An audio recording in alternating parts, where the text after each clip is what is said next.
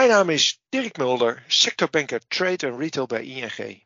In deze podcast bel ik met ondernemers om te praten over hun bedrijf, ontwikkelingen in de sector en de uitdagingen die zij ervaren. Doel van deze podcast is om andere ondernemers te inspireren. Vandaag ga ik in gesprek met Serdar Tolenaar, medeoprichter van Mama's Maaltijden. Mama's Maaltijden is ontstaan in de plus van Serdar in Hillegom. Het zijn herkenbare gerechten zonder poespas, maar met de smaak en structuur zoals je hem kent vanuit huis. De maaltijden zijn inmiddels verkrijgbaar bij alle formules Plus, Spar, Coop, alhoewel Coop bestaat niet meer, Boon en Van Tol. Ik praat met Serdar over de start van een nieuw bedrijf, de markt voor maaltijden, hoe kom je tot een lekkere maaltijd en de actuele trends in de retailketen.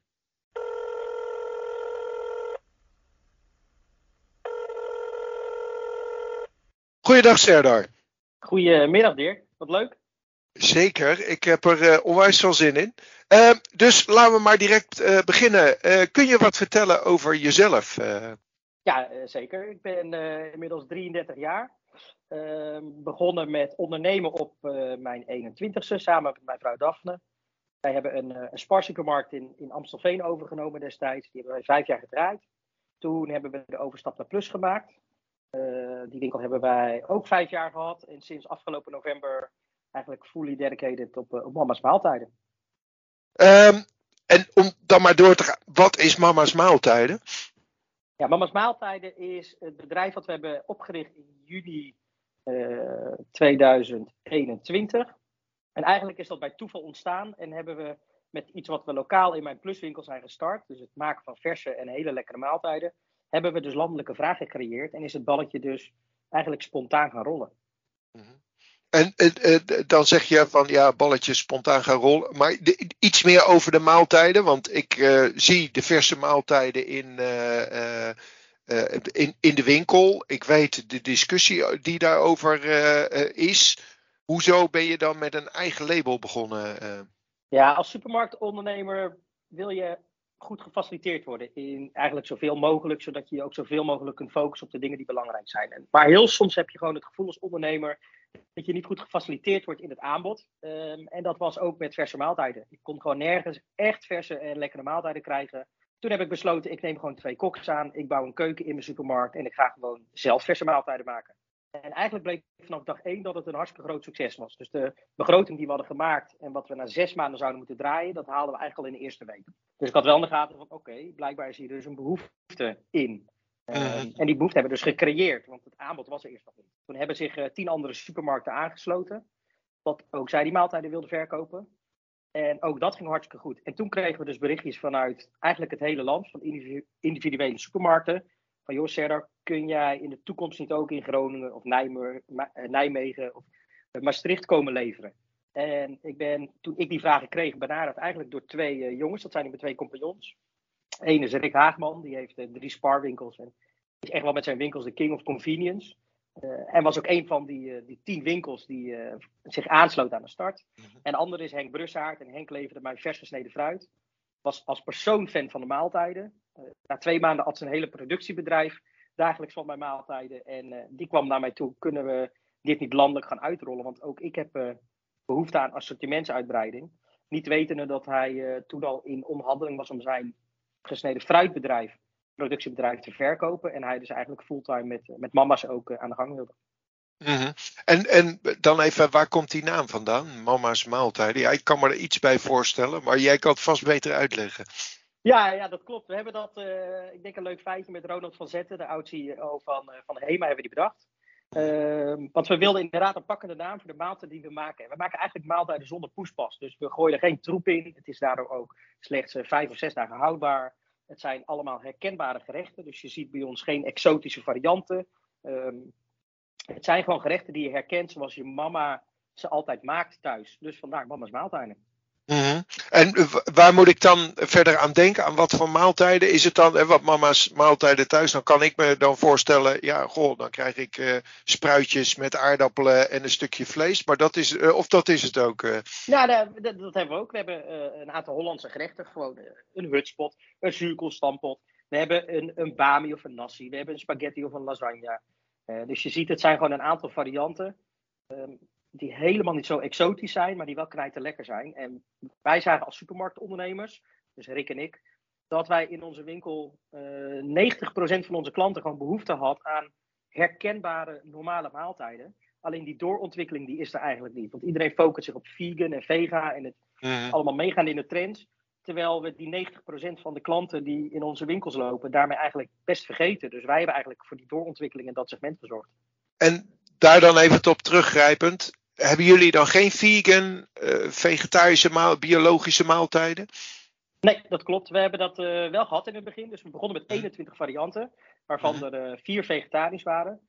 Um, en alle vier stonden ze echt onderaan qua rotatie. Terwijl ze qua smaak en qua uitstraling vonden wij ze echt, uh, echt wel in de top zitten. Het zag er echt fantastisch uit. De mhm. smaken ook van vegetarische curry's. Het was, het was echt super. Maar ja, het verkoopt gewoon niet. Niet vergeleken met, met zeg maar de reguliere varianten. Dus, uh, dus nee, momenteel hebben wij uh, geen vegetarische maaltijd in het assortiment. Ja. Nou gaf je, of tenminste, nou ben je inmiddels gestopt met je Plus Supermarkt. Eind vorig jaar volgens mij. Ja. waarom? Dat kwam eigenlijk omdat, ehm, ja, met mama's bestonden wij op het moment dat ik het besluit nam, bestonden we een jaar.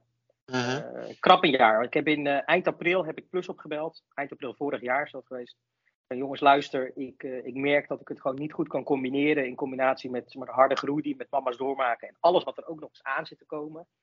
Um, ja, dat ik heb besloten om voor een van de twee te kiezen en gezien de potentie nog van mama's maaltijden, um, ja, heb ik die keuze gemaakt. Waarbij ik door een hele hoop mensen wel voor gek ben verklaard, omdat natuurlijk het rendement in een supermarkt, als je daar een beetje omzet in krijgt, uh, het zijn natuurlijk fantastische rendementen, je kunt hartstikke goed vermogen opbouwen. Uh, dus financieel was het zeker niet de verstandigste keuze, maar ja, ik, weet je, hier ligt mijn hart meer. En uh, ook, ook qua potentie voor de komende jaren, als we zien wat we nog in de markt kunnen pakken en kunnen ontwikkelen, uh, ja, heb ik die keuze gemaakt. Maar ik moet je zeggen, Dirk, ik heb er eigenlijk nog geen, uh, geen dag spijt van gehad. Nou, kan je daar iets over vertellen? Want wat is dan het verschil tussen, tussen het, ja, het runnen van een bedrijf wat meer leveranciersbedrijf is, productiebedrijf, ten opzichte van een supermarkt? Ja, het is ook best wel gek hoor. Want ik ben natuurlijk altijd supermarktondernemer geweest. Ja. Je moet je voorstellen, ik heb, uh, ik heb daar ook niet voor gestudeerd. Sterker nog, ik, uh, ik heb geen middelbare schooldiploma. Dus ik heb nog wel examen getracht te doen. Um, maar goed, mijn, mijn huidige vrouw Daphne, we zijn inmiddels 16 jaar samen. Die, uh, die werd gebeld door, ja, door de examencoördinator dat ik was gezakt. -huh. um, maar goed, die verbaasde zich überhaupt al dat ze mij niet aan de telefoon kregen. Maar ja, ik was in de supermarkt aan het werk. Want ik wist, ja, dat wil ik gaan doen en dadelijk mijn droom. Dus Daphne die kwam mij vertellen tijdens het werk in de supermarkt van, je bent gezakt. Ik zei, nou ja, eh, vervelend. En we gingen weer door met, uh, met het vullen van de vakken in dat geval. Dus uh, ja, ik kan ook niks anders. Alleen ik merkte wel dat, dat met de groei die ik ook doormaakte in de supermarkt. We hebben daar echt een hele gave groei doorgemaakt de afgelopen vijf jaar, in plus ook. Um, het, het, op een gegeven moment leek het meer op een administratiekantoor en kon ik me gewoon niet goed meer vinden met alle nieuwe regelgevingen die er weer aankwamen. En het werd op een gegeven moment ook gewoon een hoop gedoe. En dat was wel iets wat mij uh, steeds meer begon tegen te staan. En ik ben een creatieveling, dus ik vind het lekker dat ik, dat ik, dat ik bijvoorbeeld met mama's eigenlijk onbeperkt, uh, een onbeperkt marktgebied heb. Als wij iets in mhm, Amerika uiteindelijk willen gaan, gaan starten, nou, dan gaan we gewoon naar Amerika toe, want alles kan. Um, ja, en dat vind ik wel heel gaaf. Dus dat met het stukje creatief onderscheidend vermogen, het stukje kwaliteit wat we onderscheidend in de markt kunnen zetten met het merk, met het, het, bereik wat we kunnen bereiken.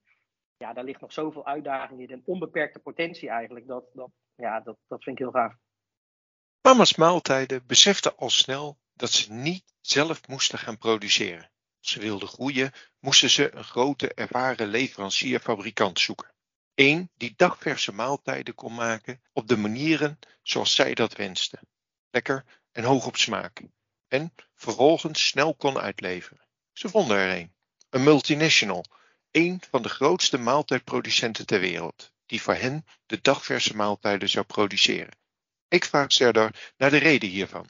Ja, dat klopt, uh, Dirk. En uh, uh, dat is ook een van de redenen geweest dat wij hebben gezegd, ook om maximaal te kunnen groeien en we kunnen blijven schalen, om dus niet zelf te gaan produceren, maar we daarvoor een aantal producenten in de arm nemen, die dat gewoon veel beter kunnen dan wij. Mhm. het, merk, het merk is van ons, dat hebben we ook bedacht en uitgezet. Uh, alle recepturen komen bij ons vandaan, dus wij ontwikkelen onze eigen maaltijden. Het is ons DNA, maar vervolgens laten we het een ander produceren en uitvoeren. Dus dat kost, kost aan de ene kant wat marge, maar ja, zoals Laurens Sloot ons adviseerde tijdens de oprichting, weet je, doe waar je goed in bent en doe vooral niet waar je niet goed in bent. Nou ja, wij zijn geen producenten. Uh, Ook daar inderdaad gelden zulke strenge regels voor. Ehm, ja, onze producenten hebben die mensen in huis, die hebben die kennis in huis. Dus nee, dat, op die manier hebben we dat ingericht. Ja, jij zegt meerdere producenten. Hoe zit dat precies? Ja, we zijn gestart met één producent voor de maaltijden. We zijn daar een uitgebreid assortiment met salades en pokeballs. Daar hebben we een tweede producent voor aangetrokken die dat heel goed kan. En onlangs hebben we met, uh, samen met XXL Nutrition onze lijn uh, Fitmeals gestart. Dus ja. diepvriesmaaltijden voor sporters. Uh, en ook daar hebben we weer een producent bij betrokken die daar weer gespecialiseerd in is. Dus we hebben inmiddels drie producenten. Ja. waarom ineens diepvriesmaaltijden? Ja, wij zagen dat afgelopen jaar online uh, deze categorie het hardste groeide. Nou, er zijn een aantal spelers die al, al uh, 7, 8, zelfs 10 jaar in de markt zitten. Ook prachtige omzetten daarmee behalen. Dus het is echt wel een grote doelgroep voor. alleen het ligt nog niet in de retail. En wij weten ook van de producenten in de bestaande markt. Zij produceren ook ongecertificeerd. Stukje regelgeving is dus heel belangrijk voor supermarkten als leveranciers ook zijn. Dus ja, zij voldoen daar niet aan. En daarom hebben wij gezegd, laten wij wat we met mamas hebben gedaan, ook met sportmaaltijden gaan doen. Laten we die naar de retail gaan brengen. Uh, ze komen in mei overigens ook gewoon B2C uh, eh, verkrijgbaar. Maar laten we starten met de retail. Daar ligt onze specialisatie in.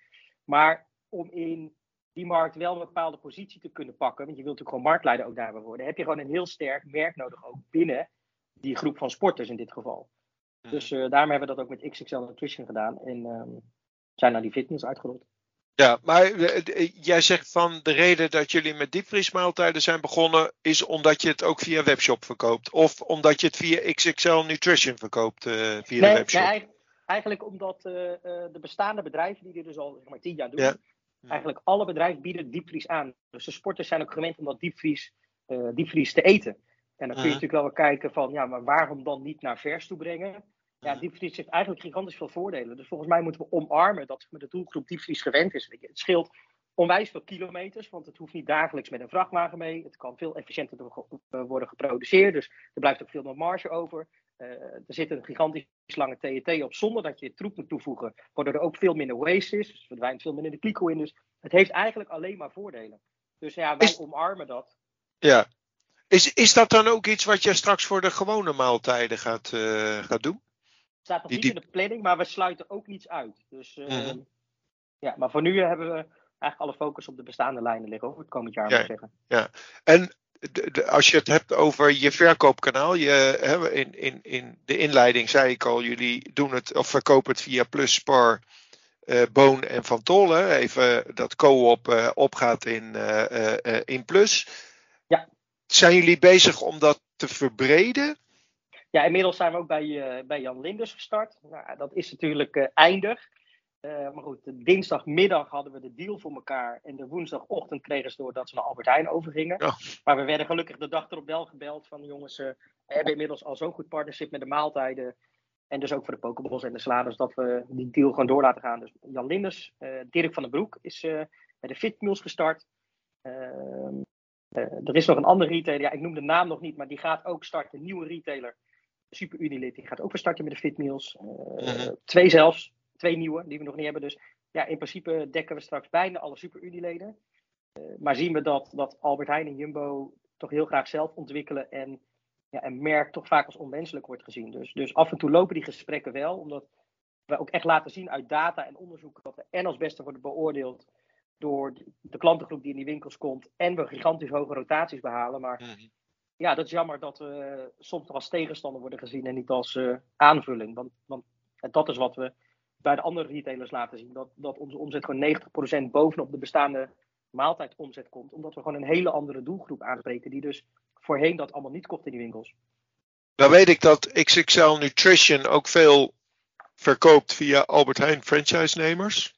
Ja. Is dat dan bijvoorbeeld een ingang? Uh, uh, of, of zeg je van nee, dat loopt echt via de, de, uh, de, organis de commerciële organisatie?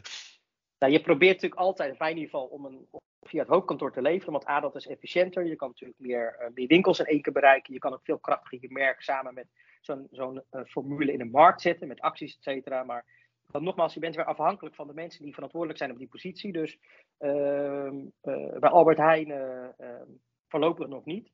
Maar goed, we zijn nu vijf weken gestart en we hebben 120 individuele supermarkten die ze nu verkopen. Dus dat gaat eigenlijk hartstikke snel.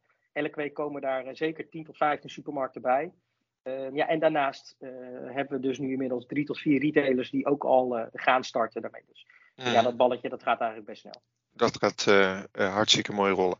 Ehm, jij zei in het begin, de productie hebben jullie uitbesteeld. Hoe zit, dat, hoe zit dat met de logistiek? Doen jullie dat wel zelf?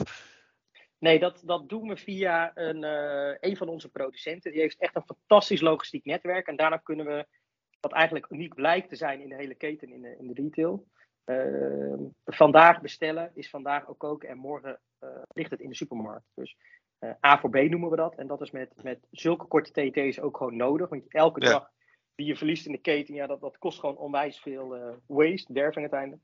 Maar we hebben dat eigenlijk met en via hun hebben we dat geregeld. En dat ja, is dus uniek, horen we achteraf. Dus ehm, ja, dat is gelukkig goed geregeld via die partner. Ja, en eh, eh, dan even, eh, het is de, de tijd van duurzaamheid. verspilling is natuurlijk een, een hele belangrijke. Ja, ik weet dus misschien meer een vraag voor later, maar hoe, hoe gaan jullie daarmee om? Hebben jullie iets afgesproken daarover met, met, met retailers? Of is dat hun verantwoordelijkheid hoe zij met overtollige maaltijden omgaan?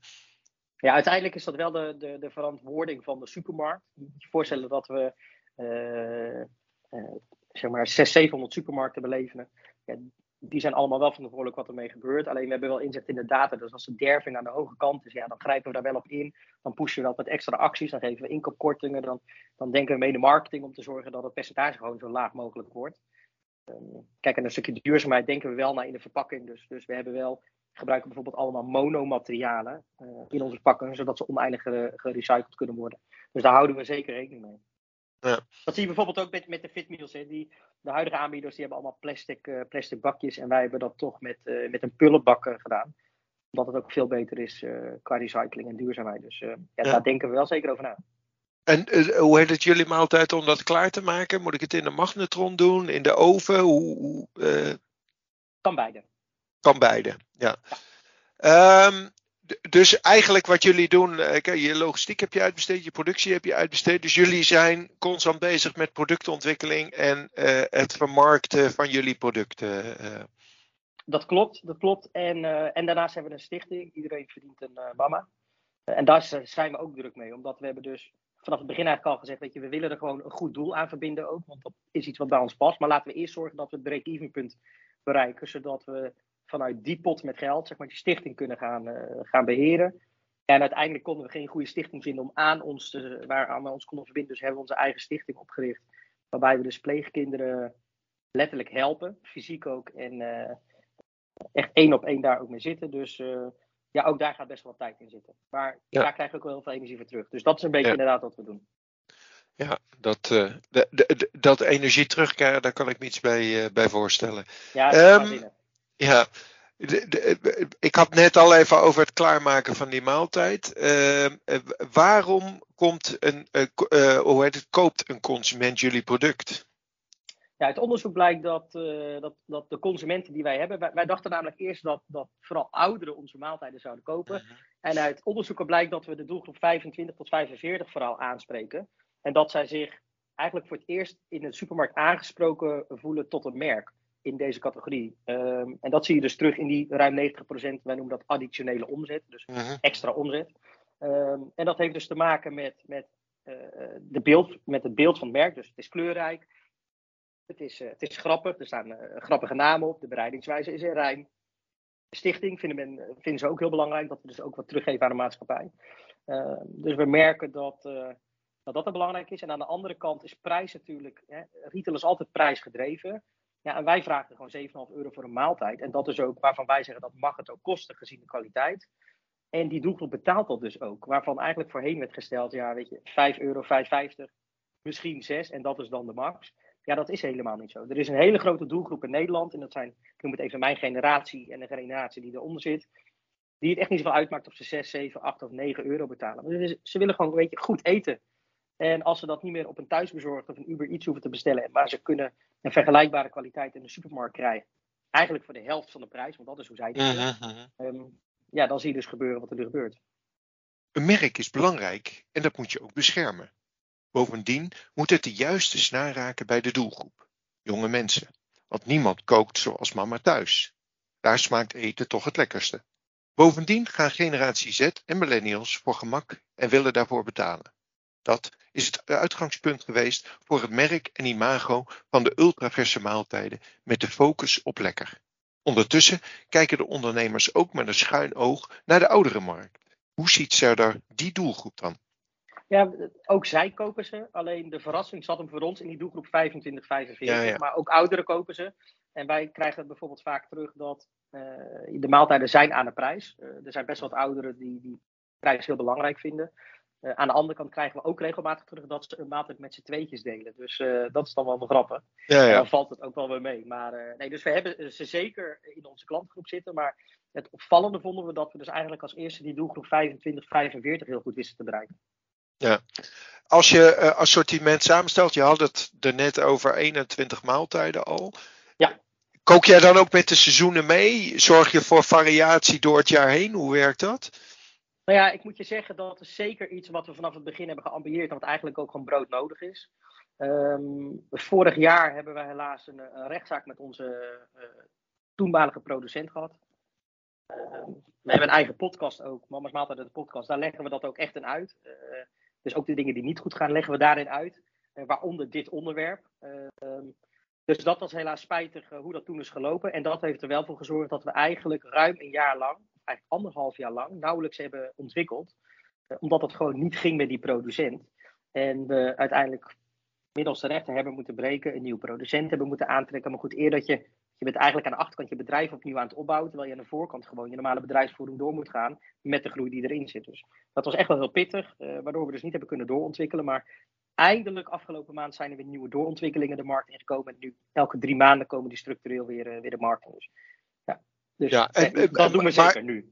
Eh, Dus dat, zijn, hè, dat is uiteindelijk een uitbreiding van je, eh, van, je assortiment. Maar is het dan ook dat jij met de seizoenen meegaat? Of het is Zeker. gewoon steeds. Ja, ja. ja. Dus Ja. bepaal- in bepaalde seizoenen zijn bepaalde maaltijden te krijgen. Ja, dat klopt. Het, het- toch nog even terugkomend, hè, want je triggert me wel. Hè. Het is natuurlijk ook interessant om te horen wat gaat er niet goed. Eh, Ja. Om daar straks wat, wat, wat dieper op te gaan, heb je nog andere dingen. Maar jij noemde het probleem met je producent. Ik kan me voorstellen Mhm. als je luistert dat je toch denkt, oh maar wacht even, daar wil ik wel iets meer over weten. eh. het is misschien kort, ja, ik weet niet, eh, het is altijd heel lastig natuurlijk. Nee hoor, nee, dat is helemaal niet lastig. Nee, wij zijn open en transparant. We hebben in principe geen geheimen. En we hopen ook dat we anderen daarmee ook kunnen helpen. En we vertellen dat, eh, dat graag. Dus eh, nee, niet alles gaat goed. Het, weet je, mama's lijkt natuurlijk altijd een succesverhaal. We groeien hard. We, we waren de hardste groeier vorig jaar naar retail als merk zijn op basis van omzet. Eh, maar er gaan ook gewoon dingen niet goed. En die hoor je vaak niet. Dus in ons geval de producent die kon en wilde niet doorontwikkeling varianten. De, de inkoopprijs moest bijna verdubbelen. Nou, dan hoef ik jou niet te vertellen wat er gebeurt met je, met je precies, business hotel. Want de marges zijn echt wel ontzettend krap. Dus we- wij kwamen daar gewoon niet meer uit. En uiteindelijk eh, hebben zij van de een op de andere dag gezegd: wij stoppen de productie. Nou, juridisch gezien kan dat niet. Maar ze kunnen wel die band laten stopzetten. Dus daar hadden we last van.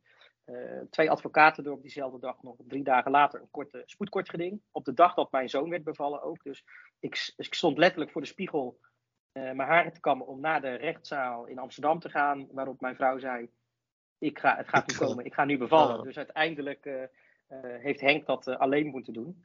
Mhm. Eh, maar goed, we hebben gelukkig door de rechter zijn we alles in het gelijk gesteld gekregen. Eh, we hadden drie maanden de tijd om een nieuwe producent eh, te vinden. Ja, en dan moet je dus eigenlijk je hele bedrijf opnieuw gaan opbouwen in drie maanden tijd. Want je kunt niet zomaar de, de recepturen één op één overnemen. Want ze hebben specifieke leveranciers Ja. en toeleveranciers. En alles moet via het lab getest worden. Voedingswaarde, ingrediënten, declaraties. Dat komt echt zeer nauw in de retail. Dus ja, we hebben naast zeg maar, de groei die we dus doormaakten met, met mama's maaltijden, hebben we aan de achterkant hebben we eigenlijk het bedrijf compleet opnieuw opgebouwd in een veel te korte tijd met een nieuwe producent. We zagen ook dat we de eerste maanden echt nog wel nodig hadden bij die nieuwe producent om de recepturen weer goed scherp te krijgen qua smaak. Eh, dat, is, dat is uiteindelijk gelukt. Maar goed, daar hebben we best wel last van gehad in combinatie met, eh, met de maaltijdontwikkelingen die uitbleven. Dus je zag wel dat de groei het groeide zeker nog, maar de groei nam wel iets af.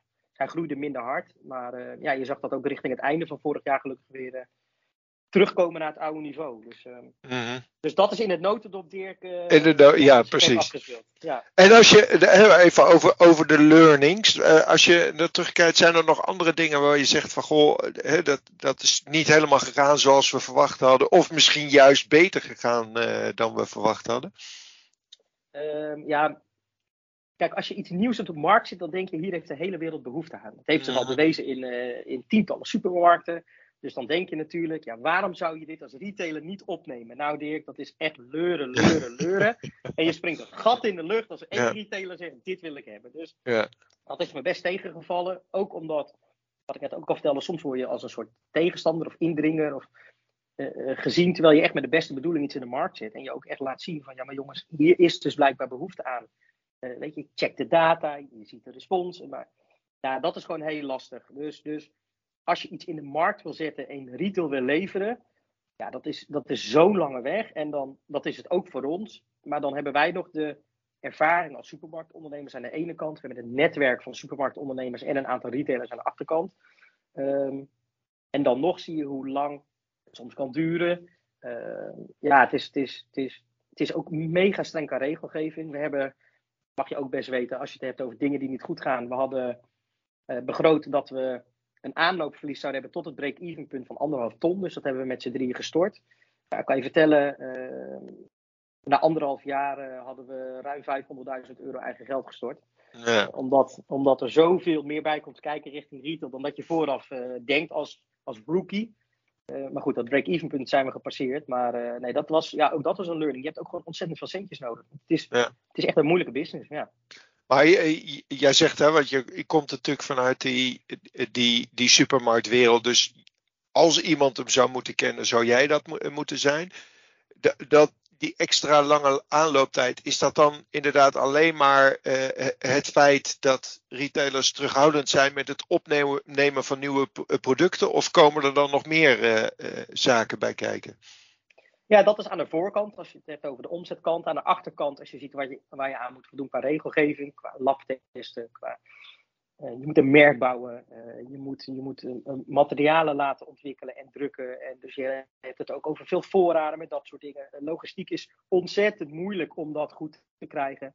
Elke retailer heeft ook wel andere wensen als ze eenmaal starten met besteltijden en aanlevertijden en aanleverroutes. En het orderpikken of op winkelniveau of op totaalniveau. Dus, dus ook dat verschilt. Nou ja, en alles wat procesverstorend is, kost geld. Dus ja, de, de, het, er komt zoveel bij kijken dat, dat het is echt een. Wij krijgen van de producenten die ook voor allerlei andere takken produceren, krijgen we echt wel terug dat retail by far de moeilijkste tak is om voor, uh, voor te produceren. En dat, dat, dat kan ik me wel voorstellen, ja. Ja, ja. Um, is dat ook een van de redenen geweest om te zeggen van hey, die productie, dat kan ik me voorstellen, maar ook de logistiek uh, uh, uit te besteden? Nee, maar Dirk, we wilden dat zelf gaan doen. Weet je, oh, enthousiast ja. zoals we zijn, uh, een aantal bussen gekocht. Omdat we dachten, nou, we hebben eerst maar een jaar nodig om individuele supermarkten te beleveren, ja. data op te bouwen en dan hopen dat een aantal retailers zich één voor één aansluiten na dat jaar. Maar we hadden het geluk dat, dat Plus zich eigenlijk al meldde heel erg aan het begin. Dus we hadden een hele hoop winkels die we individueel beleefden. Hadden we, ging, konden we op een gegeven moment via het hoofdkantoor gaan doen. En toen hebben we ook gezegd dat we, uh, ja, dat we daar gewoon een partner voor gaan zoeken. Omdat het aantal winkels zich toen al zo snel en rap uitbreidde. Ja, dat was niet meer bij te houden. Dus er rijden nog een aantal mama's maaltijden busjes door het land heen. Nederland en België. Uh, maar die zijn niet meer van ons. Nee, nee. oké. Grappig.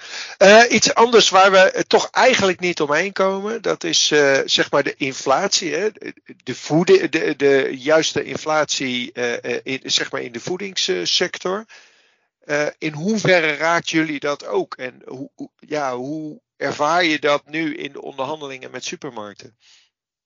Ja, twee dingen denk ik. Eén, de inflatie aan de verkoopkant is dat we wel een verschuiving zien, maar we zien ook weer een verschuiving van de groep zeg maar 25, 45. Dus dat ouderen echt wel prijsbewust zijn en afzakken naar, naar private label. Maar we zien ook de groep die uh, op thuisbezorgd en Uber Eats out of home uh, bestellen, toch steeds vaker in de supermarkt voor iets kiezen. Ja, en dan heb je met ons assortiment echt een heel goed alternatief voor vaak de helft van de prijs. Dus we zien dat we aan de ene kant bestaande klanten uh, ook weer kwijtraken naar private label. En aan de andere kant dat de doelgroep die, die, dus, die ik net omschreef, uh, ja, toch wel meer aantrekt richting onze maaltijden. Dus, dus uiteindelijk in het omzetniveau, je mag best weten dat we bij een aantal retailers de begroting voor 2023 staan op plus 50% ten opzichte van 2022. Dus ja. Uh, ja. Maar zo makkelijk kom je er niet mee weg. Want ik bedoelde ook aan de andere kant. Want jullie zullen natuurlijk ook aan je inkoopkant die inflatie uh, ervaren. Ja, dat is ook zo. We hebben echt een aantal prijsverhogingen om de oren gehad.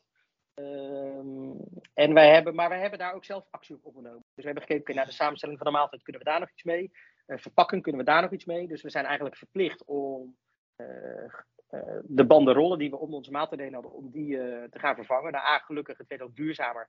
Maar B, het scheelde ook weer kosten. Dus daarmee kunnen we zelf ook weer een hoofd ons rekening nemen. Maar ja, we hebben afgelopen jaar, ik geloof, drie keer een prijsverhoging om ons oren gehad. En die gesprekken zijn echt niet altijd makkelijk. Alleen weten onze partners ook. We, hebben, we spreken altijd over een partnership. Uh, maar dat doen wij ook echt. Dus wij zijn transparant daarin. We, we, we, tonen ook aan wat wij van onze producenten om de oren krijgen, onderbouwd ook. En je hebt er daar gewoon samen over. En, en ja, dat doe je niet om elkaar te naaien. Omdat je hebt maar één belang en dat is zo lang mogelijk, zoveel mogelijk maaltijden bij elkaar verkopen. Dus ik merk wel dat dat ook gewaardeerd wordt. En, en dat stukje partnership, bijvoorbeeld toen we naar de rechter moesten en we dus een aantal mm. dagen niks konden leveren, hebben we ook meteen al die retailers gebeld. En toen merkte je ook dat ze allemaal, eh, ze steunden ons, ook in de communicatie richting alle winkels. Ze hebben er begrip voor.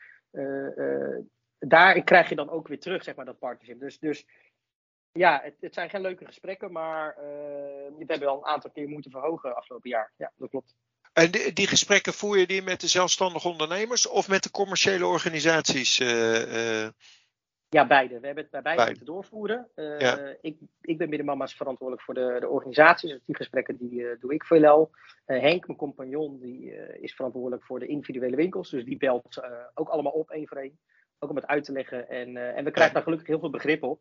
Um, en aan de andere kant hebben we ook gezegd, ja, wij moeten ook weer zorgen aan de verkoopkant dat ons product beter wordt, waardoor we er ook meer voor kunnen vragen. Dus met de laatste prijsverhoging van afgelopen maand, je moet je voorstellen, wij krijgen hem vanaf 1 januari al om de oren van de producent. Dus wij verliezen gewoon marge en vanaf maart, april kunnen wij hem dan pas eigenlijk doorvoeren naar de retail. Dus, dus ja, dat moet je zelf ook slikken. Maar um, je moet je voorstellen dat uh, onze maaltijden waren 6,99. Die zijn nu naar uh, 7,49 gegaan. Dus we hebben ze ook wat beter gemaakt, een betere uitstraling ook. Ja, ja. Uh, en op die manier kunnen we, moeten we wel de inkoop verhogen, doen we dat ook aan de verkoopkant. Dus aan de margekant, die marge is er zelf nog iets op vooruit gaan voor de winkels. Dus uh, ja, daar ligt ook een taak voor ons, om dat dus ook dat gat, dat margegat groot genoeg te houden. En op peil te houden. Hartstikke goed. Uh, als laatste vraag, uh, daar sluit ik altijd mee af. Welke les heb je zelf geleerd en zou je mee willen geven aan andere ondernemers? Uh. Ja, ik denk wat kenmerkend voor ons is, is dat wij bereid zijn om te delen. dat doen we met retailers, dus wij halen echt niet het onderste uit de kan. dat is op korte termijn voor je verdiensten zeker niet altijd de verstandigste keuze, maar wij geloven echt in de lange termijn. En we zien ook met alle partners die we vanaf het begin hebben, die hebben we nog steeds. Dus, dus, dus dat betaalt zich in die zin zeker uit op lange termijn. Ja, weet je, ben bereid om te delen. Ik denk het mooiste voorbeeld uh, is, uh, is ons Fitmeals, uh, onze Fitmeals lijn. we hebben daar een aparte BV voor opgericht, Fitmeals BV. En Mama's Maaltijd is 50% eigenaar van die BV. De XXL Nutrition is ook 50% eigenaar van die BV. Nou, we hebben de taken onderling verdeeld. Maar René, dus de, eigenaar René van der Zel, van, ja. van, XXL Nutrition. Kijk, zijn bedrijf is ik noem maar, tien keer zo groot als Mama's Maaltijden. Maar toch zitten we er gelijkwaardig in. Dus je ziet dat ook hij bereid is om eh, gelijkwaardig te ondernemen en dus te delen. Ja, en ons motto is eigenlijk: we hebben liever uh, de helft van heel veel dan alles van weinig. En ja, uh, ja dat, dat heeft ons tot nu toe onwijs veel geholpen, waardoor we heel vaak terugkrijgen met partijen die vele malen groter zijn dan wij dat ze toch graag een partnership met ons aangenomen. Omdat ze ook echt merken dat we bereid zijn om te delen. En uh, ja, daar voelen we ons gewoon heel prettig bij. Hartstikke mooi. Mooie afsluiting, denk ik. Serdar, dank voor je openheid en voor dit, uh, voor dit leuke gesprek. Top Dirk, dankjewel. Leuk.